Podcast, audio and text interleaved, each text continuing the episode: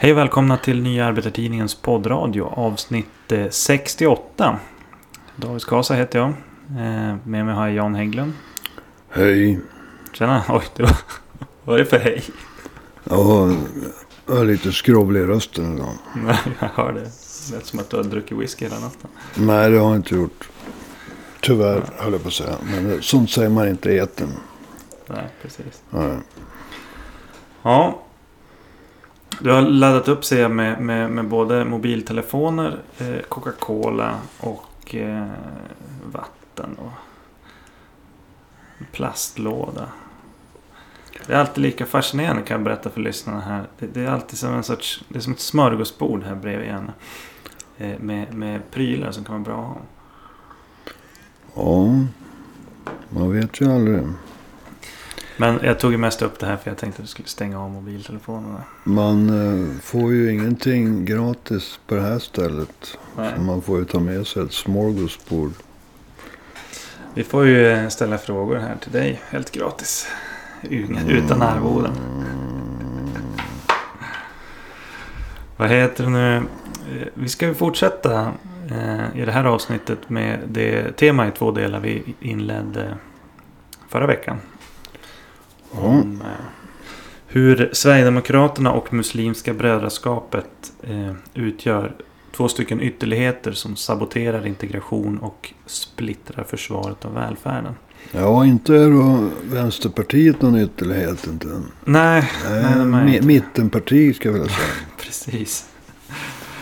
Nej, men förra veckan så pratade vi ju om Sverigedemokraternas roll i att sabotera integrationen.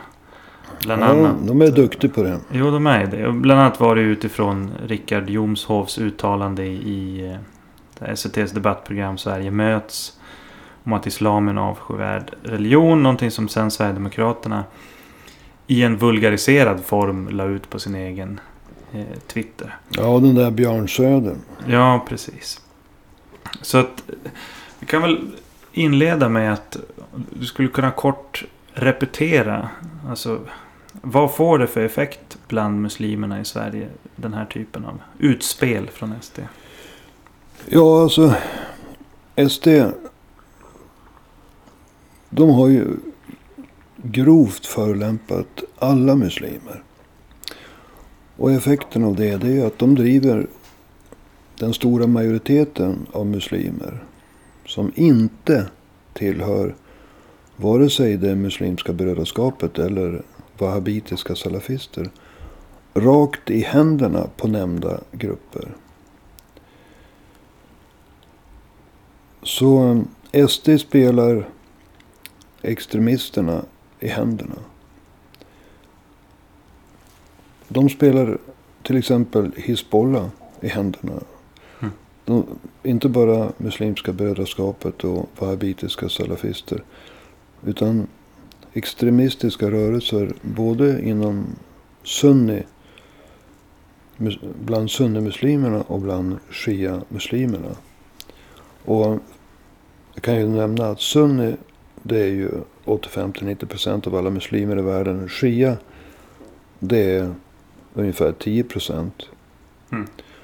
Och eh, de flesta extremistiska organisationer vi talar om. De tillhör ju sunni. Brödraskapet, wahhabiterna, al-Qaida Mm. och även eh, Daesh eller Islamiska staten. Det är alla sunni. Men Hizbollah brukar räknas in inom shia-sfären. Precis.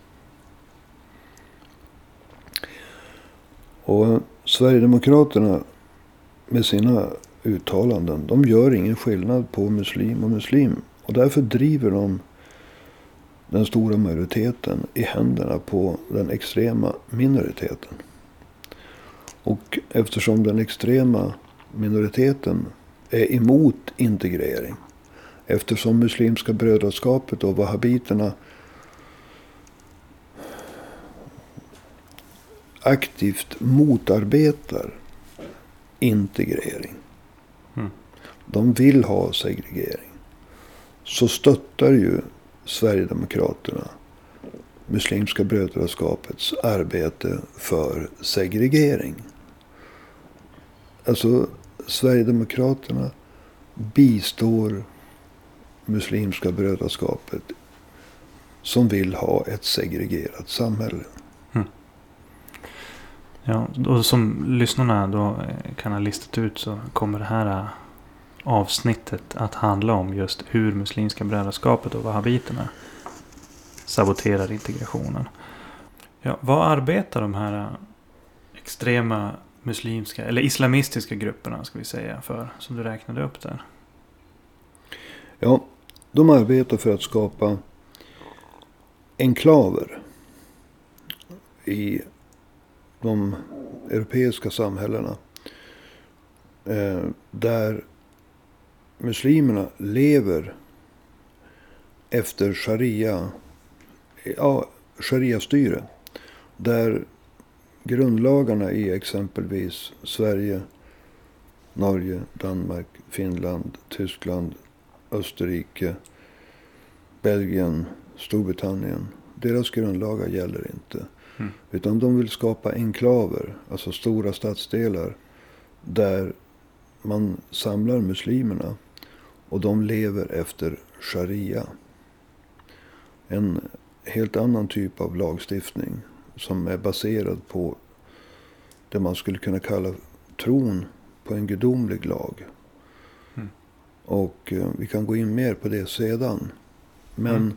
för att liksom kunna eh, eh, skapa de här islamistiska enklaverna mitt i de europeiska samhällena så måste man också isolera muslimerna från majoritetsbefolkningen. Till exempel i Sverige. Det är så, det är så de arbetar. De är alltså integrering är det allra sista som de skulle vilja ha. Segregering är en nödvändighet för att skapa de här enklaverna. De här speciella isolerade områdena dit de vill ha muslimer. Alltså man vill skapa det jag skulle vilja kalla för muslimska getton. Just det. Ja, du var ju inne på sharia-styre där. Alltså, vad, vad- är sharia-styre? Alltså sharia, det är tro, tron på en gudomlig lagstiftning. Och en rättsskipning baserad på en gudomlig lagstiftning. Mm. Och då har vi för det första Koranen. Och där finns det 350 verser som reglerar inte bara hur människan ska leva utan hur samhället ska styras. Mm. Och det är Guds ord direkt, det som står i Koranen. Det är en helig bok. Det är Guds ord. Som ärkeängeln Gabriel har berättat för Muhammed. Men det är Guds ord. Sen ingår det också i sharia de legender som finns, berättelser som finns om Muhammeds sunna. Alltså det han sa och det han gjorde. Vilket också ligger till grund för hur människan ska leva. Alltså för den gudomliga Eh, lagstiftningen och rättsskipningen. Mm. Och slutligen, eftersom islam och Muhammed fanns på 600-talet efter Kristus så har ju det kommit många nya fenomen i samhället som bilar och mobiltelefoner. Mm. Och därför finns det olika rättsskolor med tolkningar. Kallas, jag tror det kallas fik. Och de är ju inte lika heliga som framförallt Koranen. De är inte heller lika så att säga heliga som Muhammeds sunna. Men tillsammans utgör de ett system som täcker in i stort sett allting. Och det som man måste förstå är kärnan i den kamp om själarna som utspelar sig här. Det är att eftersom i islam så är kyrkan inte skild från staten. Eh, islam som världsreligion har inte gått igenom den process som kristendomen och judendomen har gått igenom. Kristendomen och judendomen har accepterat att religionen är en privatsak. Och att samhället styrs via grundlagar som stiftas i bästa fall genom att man i demokratiska allmänna och lika val utser ett parlament som stiftar grundlagar och andra lagar. Men islam ser inte religionen som en privatsak. Och det är därför det är viktigt att förstå. Man har inte skilt kyrkan från staten. utan Tron på den gudomliga lagstiftningen är inte bara någonting som gäller individen. Den gäller hur samhället ska styras. Och eftersom Guds lag, alltså sharia, står över människans lag. Så kan inte en rättrogen muslim, absolut inte medlemmarna i Muslimska brödraskapet eller hos de wahhabitiska salafisterna acceptera att kompromissa med sharia. Utan sharia står över grundlagen i Sverige, grundlagen i Storbritannien, grundlagen i Tyskland och i alla europeiska samhällen och i alla, alla andra samhällen som inte är muslimska. Mm. Så ser islamisterna i Muslimska brödraskapet det hela. Vilka konsekvenser får det här då? Alltså rent prakt i praktisk politik som det brukar heta. Om vi börjar med eh, familjerätten. Mm. För att Muslimska brödraskapet, de förstår ju att de jobbar i Europa. Och här kan man inte gå fram eh, så att säga hur som helst.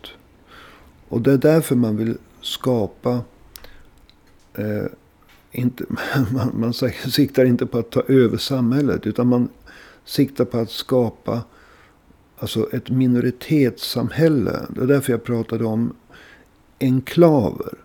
Alltså mm. stora stadsdelar där man vill samla muslimerna. Och då vill man ha alltså ett parallellt samhälle med parallell lagstiftning. Så att majoritetsbefolkningen, alltså svenskar, Ja, de lever efter svensk grundlag. Och minoritetsbefolkningen, muslimerna, de lever efter sharia.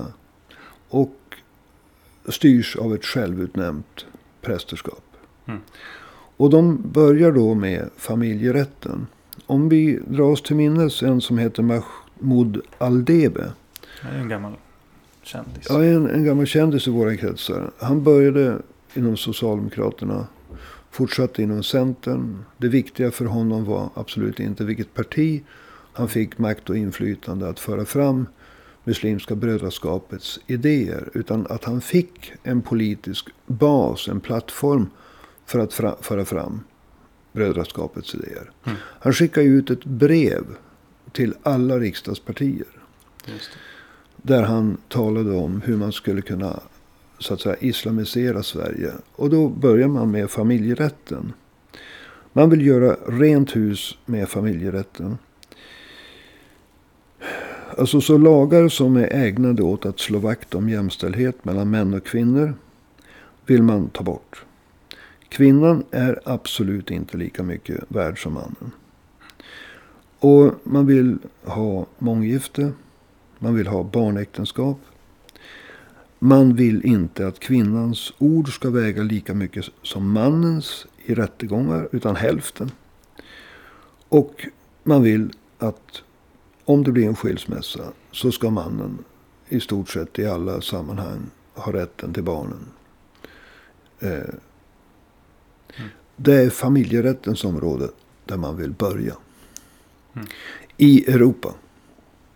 Men om man ser det på längre sikt så kommer man att ge sig på demokratin. För att jag går tillbaka till det här med att det man anser vara en gudomlig lagstiftning. Alltså baserad på Koranen, Muhammeds sunna och tolkningarna fick. Det står över människans lag. Även om det är demokratiskt fattade grundlagar som i Sverige, Storbritannien, Tyskland. Så innebär det att man kommer på kollisionskurs med exempelvis yttrandefrihet, tryckfrihet, rätten till allmänna och lika och demokratiska val. Och det ska ersättas med ett självutnämnt prästerskap. Därför att sharia, Koranen, Muhammeds sunna och tolkningarna fick. Det är ett heltäckande system som täcker in allt från hur hela samhället styrs till hur individen ska leva. Och i de här enklaverna som man vill skapa så kommer de, alltså brödraskapet, wahhabitiska salafister, andra islamistiska sekterister, extremister, att arbeta för ett islamiserat samhälle styrt av sharia. Som ersätter våra grundlagar. Alltså ett parallellt samhällssystem. Och tänk då hur integrering skulle sabotera allt detta. Mm. Alltså de största förespråkarna för segregering är islamister i brödraskapet. Bland wahhabiterna. Och de som inte förstår det, de fattar ingenting. Och tyvärr, så ut, de som inte fattar någonting. Det är en majoritet av riksdagens partier. Mm. En majoritet av ledamöterna i riksdagen. Och i regionerna. Och i eh, fullmäktige. Alltså det här är en rent ofattbart stor fråga. där Sverige präglas av en rent ofattbar stor okunskap.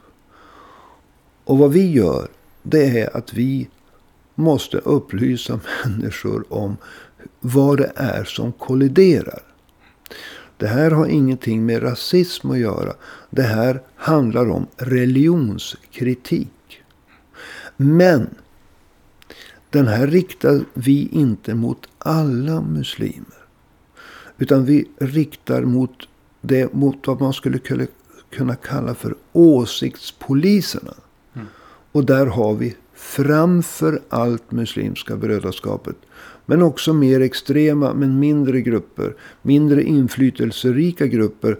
Som salafisterna och de mer ja, wahhabitiska salafister. Det är den beteckning varur man till exempel har rekryterat stridande eh, till Al-Qaida och eh, ja, Daesh eller Islamiska staten.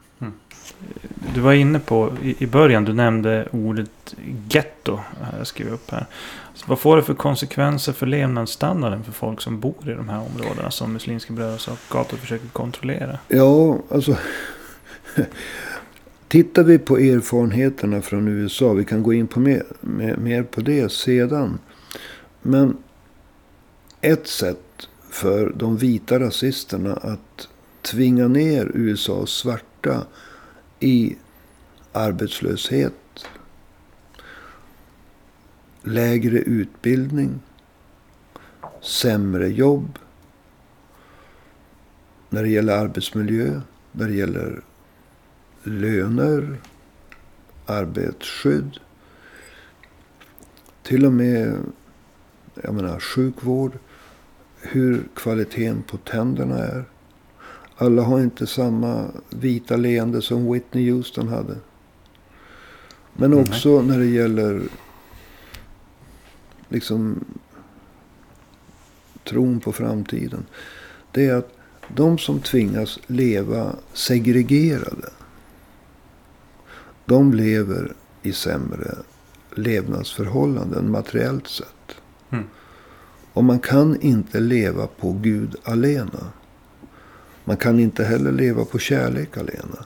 Man måste ha mat.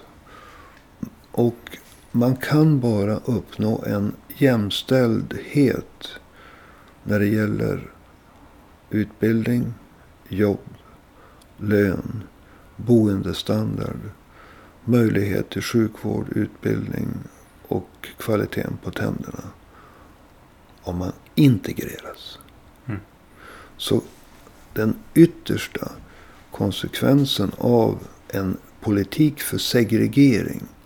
Det är att i segregeringens isolering får man ett sämre liv. Mm. Och jag vill gärna prata om erfarenheterna från USA. För vi har ju en facit. Eh, Du pratade om eh, erfarenheter från USA. Eh, Vad är det för erfarenheter från USA du syftar på?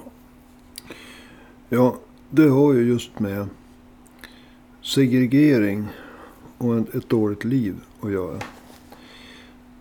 Men eh, låt mig börja med Malcolm X. Malcolm X, han hette egentligen var Malcolm Little. Mm. Och hade ett gangsterliv. Han eh, blev väl vad man skulle kunna kalla för frälst. Och anslöt sig till det som idag kallas för Black Muslims. Malcolm X var och är en av de mest kända ledarna för den svarta rörelsen på, under 60-talet mot rasism som fanns i USA.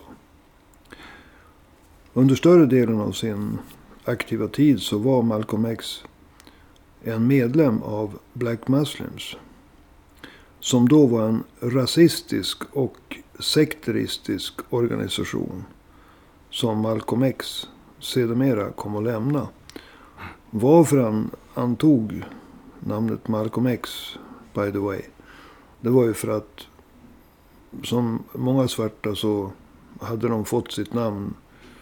Eh, de hade ärvt det av en slavägare. Och han, exet stod för att eh, han egentligen inte visste vad han skulle heta.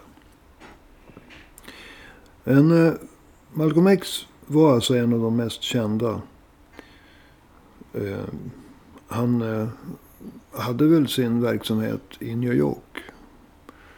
Harlem, ska jag tro. Och han var under en period väldigt starkt emot integration mellan svarta och vita.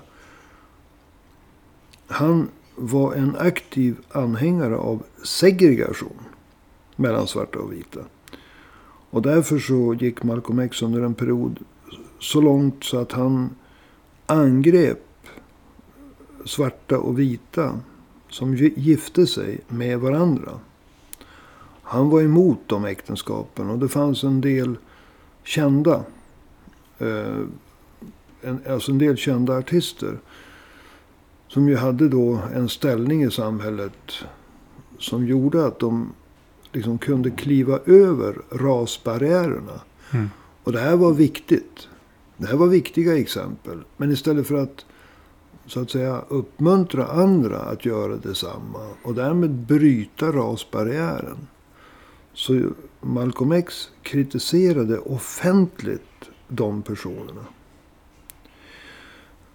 Så på, på det sättet så angrep han integration. Mm.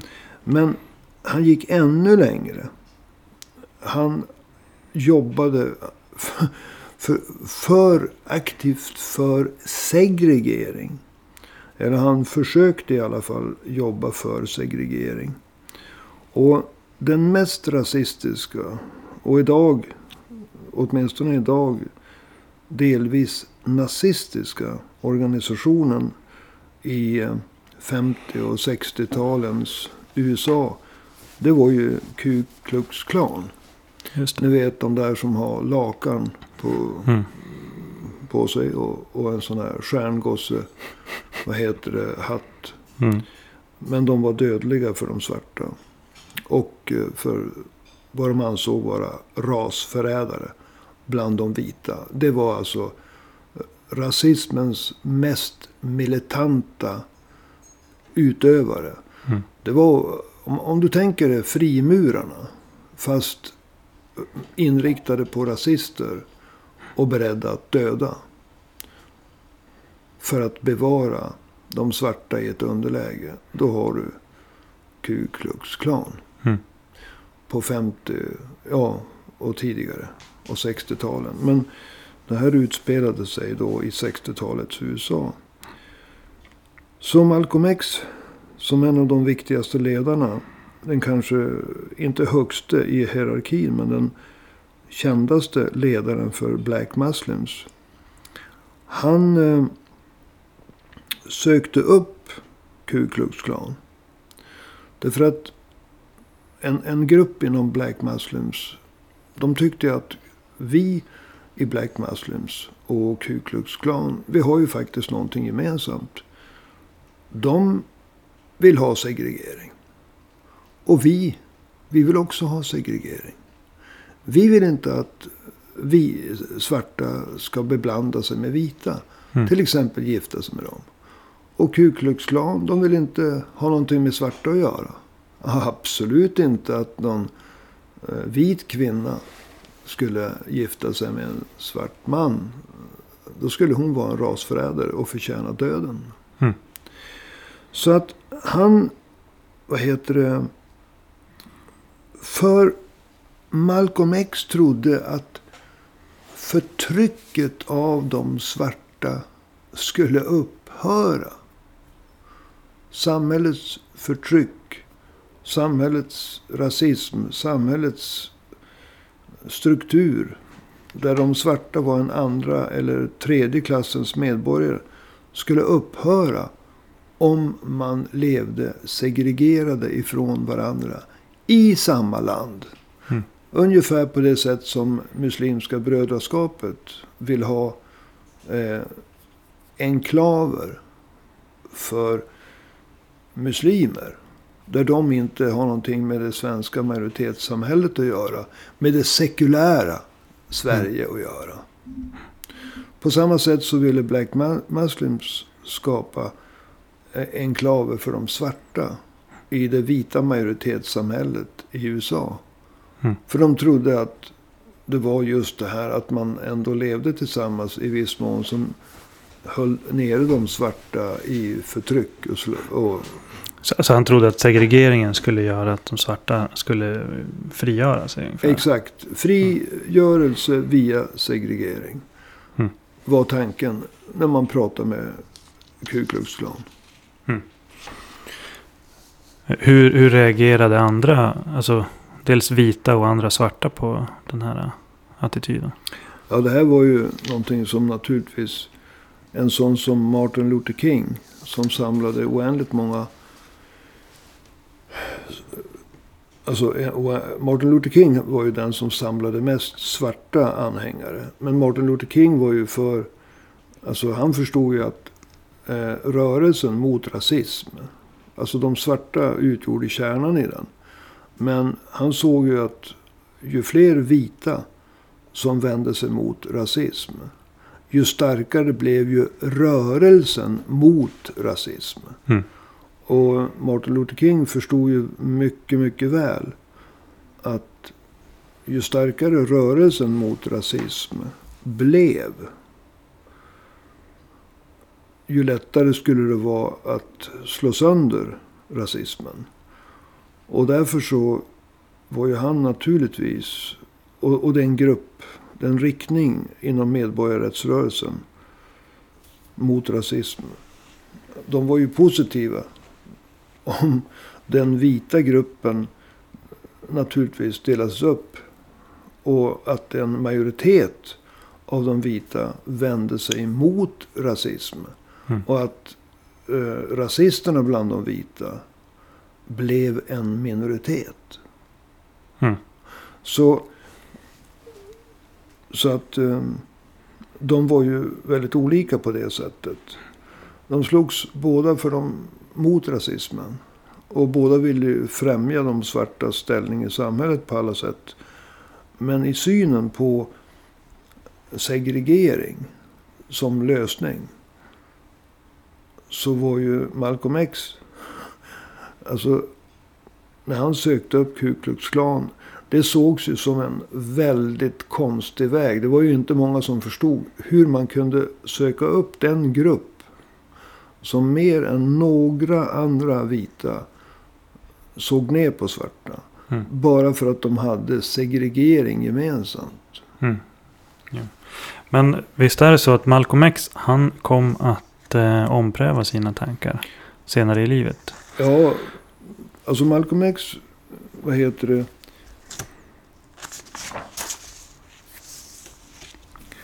Malcolm X, eh, det var flera saker som gjorde att Malcolm X drog nya sak, slutsatser av, eh, av det han såg. Va? För det första så upptäckte han ju att Black Muslims var en korrumperad organisation. Mm. Eh, till exempel att den högste ledaren i Black Muslims använde unga kvinnor som sitt eget harem. Mm. Han, han såg missbruk av rörelsens tillgångar ekonomiskt. Alltså han uppfattade att eh, Black Muslims var en korrumperad organisation. Och eh, han begav sig ut på en resa. Eh, och han var till Afrika. Det var många svarta som såg Afrika som en sorts ja, vä väldigt eh, naivt. Det, det, det är därifrån vi kommer, det är dit vi ska. Men när han kom till Afrika så såg han hur svarta förtryckte andra svarta. Han upptäckte kapitalismen. Han upptäckte att det fanns svarta rika som förtryckte svarta fattiga. Som använde svart billig arbetskraft för att berika sig själv. Mm. Han upptäckte svarta förtrycket.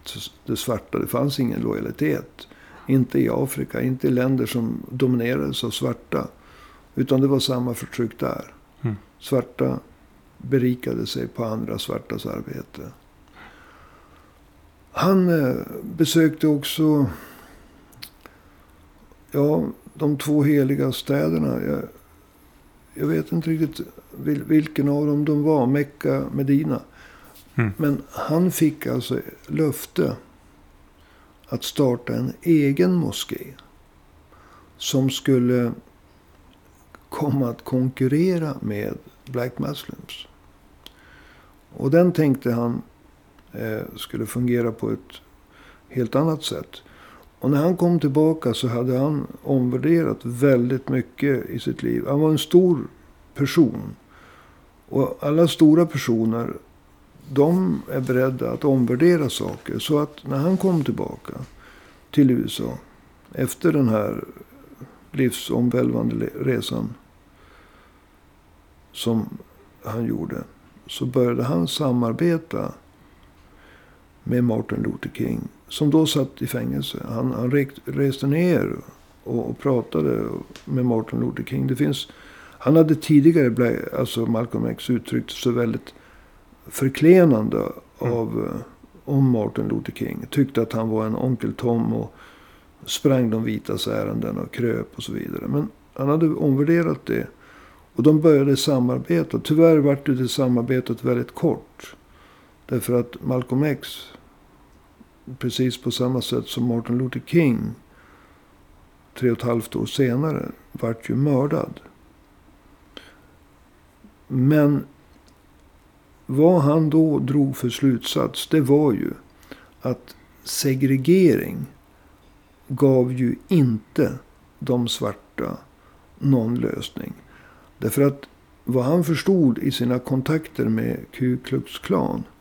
Det var ju att för medan han naivt hade sett segregering som ett sätt att för de svarta att slippa förtryck.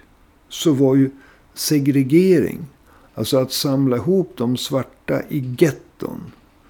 Där de fick där det var högre arbetslöshet. Sämre möjligheter att söka jobb. Sämre skolor, sämre utbildning.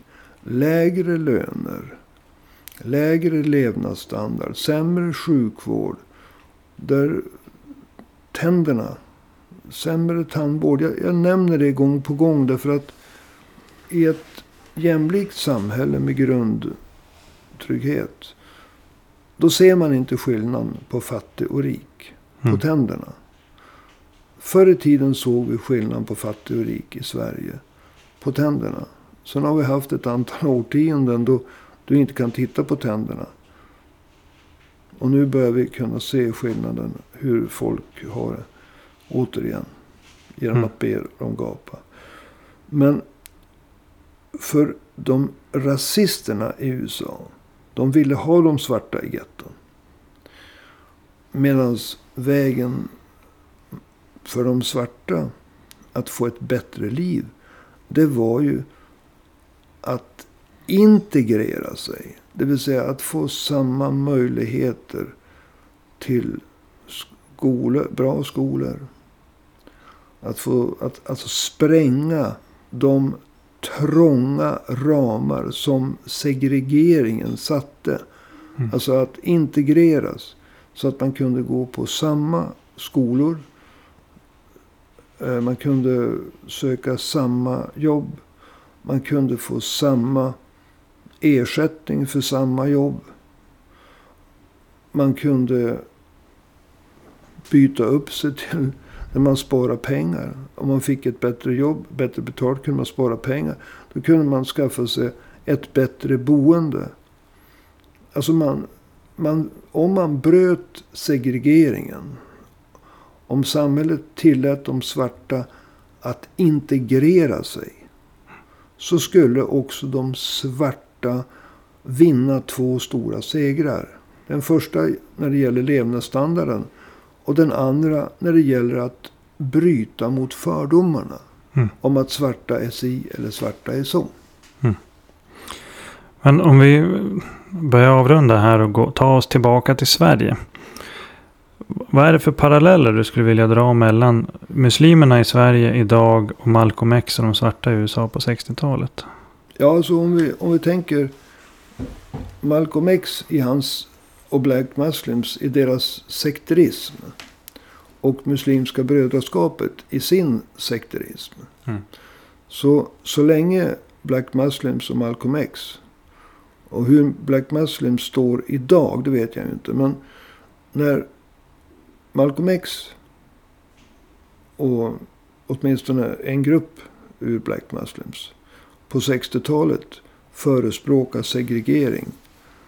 Då låste de in de svarta i getton utan möjligheter till en förbättrad levnadsstandard. Malcolm X kom senare att ändra sig. Mm. Black, eh, Muslimska brödraskapet vill ju skapa getton, enklaver, speciella områden för muslimerna. Mm. Alltså de vill frivilligt gå in i segregering. Och det kommer att innebära precis vad de svarta hade. I 50, 40 och 60-talens USA. Och ännu längre tillbaka förstås. Mm.